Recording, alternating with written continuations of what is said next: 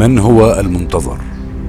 وكما ذكرنا سابقا اليهود ينتظرون المسيح المخلص لهم ويسمونه ملك السلام والنصارى ينتظرون المسيح ابن مريم ونزوله لهم كمخلص والمسلمون ينتظرون المهدي المنتظر وبعده المسيح ابن مريم رسول الله ينزل تابعا لشريعة محمد صلى الله عليه وسلم.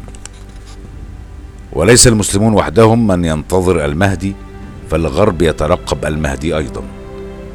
فقد تنبأت جين ديكسون المتنبئة الأمريكية باغتيال الرئيس جون كينيدي قبل اغتياله بعشر سنوات ونالت بعدها شهرة واسعة. وأخطر نبوءات ديكسون وأكثرها علاقة بالشرق هي نبوءة التي أطلقتها عام 1962 الخاصة بطفل الشرق العظيم. وذلك كان في عهد الرئيس الراحل جمال عبد الناصر. مما دفع بالكاتب الصحفي الكبير الأستاذ محمد حسنين هيكل لمقابلتها بعد إذاعتها لهذه النبوءة للتعرف عن المزيد عن هذا الطفل المصري وقد ذكر ذلك بأحد كتبه. الطفل المصري الذي سوف يولد وإن هذا الطفل عندما يكبر سيوحد كل العقائد في عقيدة واحدة الدين الإسلامي وهو سيكون ربانيا يحبه أتباع كل الديانات. وسيقضي على خنجر الفتنة الذي سيصيب الملكة نفرتيتي تقصد بها مصر فيما بعد.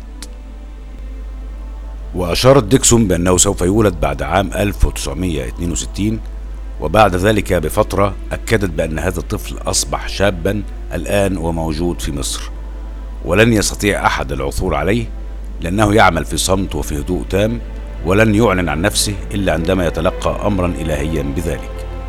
ومهما حاول اليهود مثلا أن يصلوا إليه فلن يستطيعوا فهو يتمتع بحماية من الله.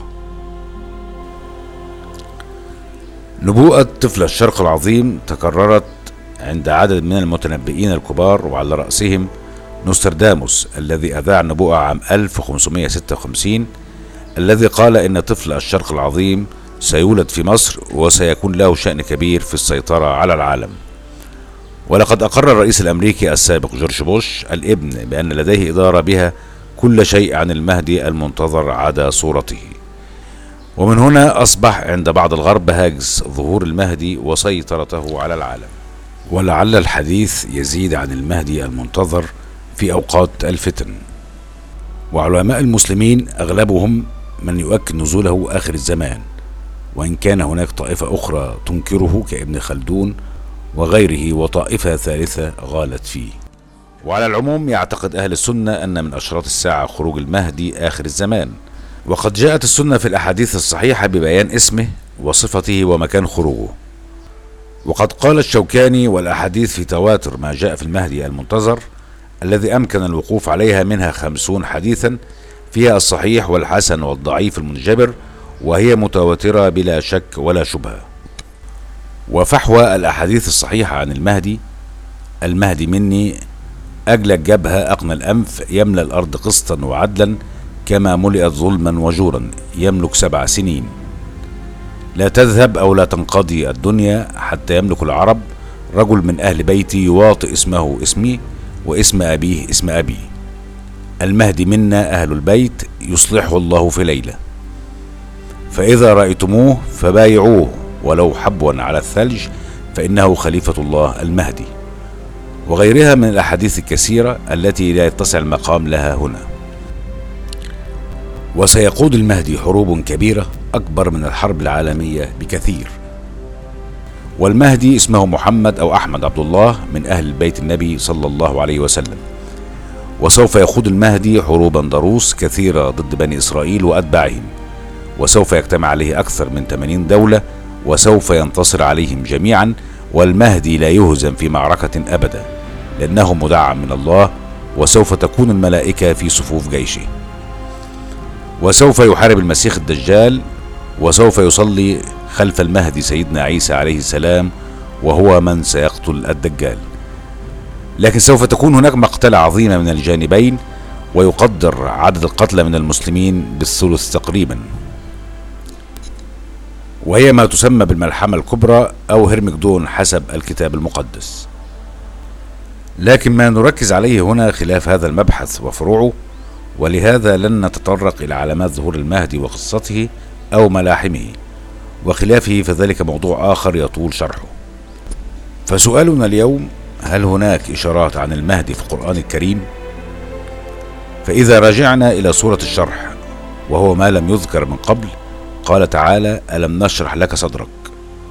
وهنا نلاحظ أنه خطاب إلهي إلى أحد عباده الصالحين. وقد ذهب المفسرون بأن ذلك هو خطاب الله إلى النبي محمد صلى الله عليه وسلم. لكن بالنظر إلى الآيات نجد أنه لا علاقة بالنبي محمد صلى الله عليه وسلم بهذا الخطاب لأن سياق الآيات هي التي تحدد من هو المخاطب. فالآية التالية ووضعنا عنك وزرك الذي أنقض ظهرك أي أن الله رفع عنه ذنبه الذي قسم ظهره. وفي جميع آيات القرآن الوزر هو الذنب. وحاشا للنبي محمد صلى الله عليه وسلم أن يعمل ذنبا يقسم ظهره. ولقد حاول الكثير من المفسرين إيجاد تفاسير أخرى لتبرير موقفهم لكنها لا تتماشى مع النص القرآني الواضح. ونجد أن هذا هو خطاب الله المباشر الموحي إلى أحد عباده الصالحين لم يذكر الله اسمه صراحة ولم يأتي الخطاب خلال سورة بل هو في سورة وحده مما يعطي استقلالية للمخاطب. ومن هنا أعتقد أنه خطاب مستقبلي خطاب الله إلى المهدي المنتظر وإن لم يذكر ذلك صراحة في القرآن. لأنها إشارات مستقبلية وأغلب الإشارات المستقبلية لا تأتي بكامل التصريح لكن بالتنويه لمن يستقرأ الآيات. وهو ما يفسر قول النبي صلى الله عليه وسلم المهدي منا أهل البيت يصلحه الله في ليلة. يصلحه الله من الإعاقة التي ابتلي بها لذنبه.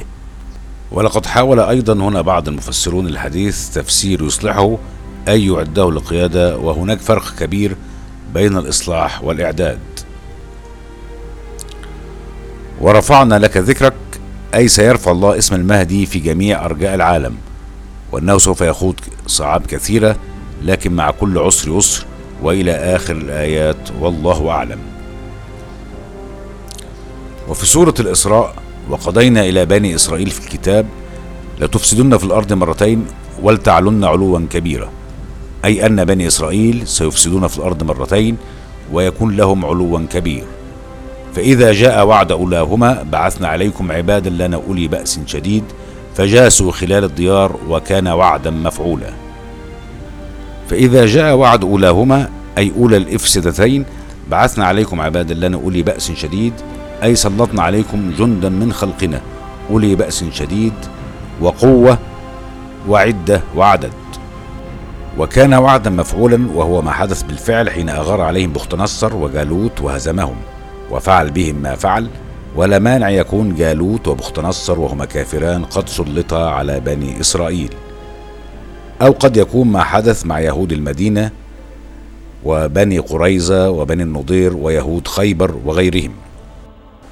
ثم رددنا لكم الكر عليهم وأمددناكم بأموال وبنين وجعلناكم أكثر نفيرا فلم يحدث بيننا وبينهم حروب لعدة قرون إلى أن حدث وعد بلفور الذي أعطى لهم الحق في قيام دولتهم في فلسطين وكانت أكر لهم علينا. والنفير هي الدولة الكبرى التي ساندت اليهود وصادمت المسلمين. إن أحسنتم أحسنتم لأنفسكم وإن أسأتم فلها فإذا جاء وعد الآخرة ليسوء وجوهكم وليدخلوا المسجد كما دخلوه أول مرة وليتبروا ما علوا تدبيرا.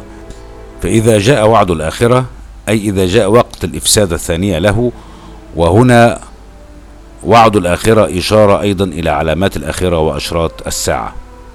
كما دخلوه أول مرة وربما تكون أول مرة كانت في عهد الخليفة عمر بن الخطاب رضي الله عنه ولم يكن الأقصى وقتها في أيدي اليهود بل كان في أيدي الرومان المسيحيين. وقوله تعالى وليتبروا ما علوا تدبيرا يتبروا أي يهلكوا ويدمروا ويخربوا ما أقامه اليهود وما بنوه وشيدوه من مظاهر الحضارة التي نشاهدها الآن. وذلك سيكون على يد المهدي في آخر الزمان قائد الملحمة الكبرى أو هرمجدون كما تحدث عنها الكتاب المقدس وهي أكبر ملحمة في تاريخ البشرية قاطبة. والله أعلم. دمتم على خير وتابعونا في الفصل التالي إن شاء الله.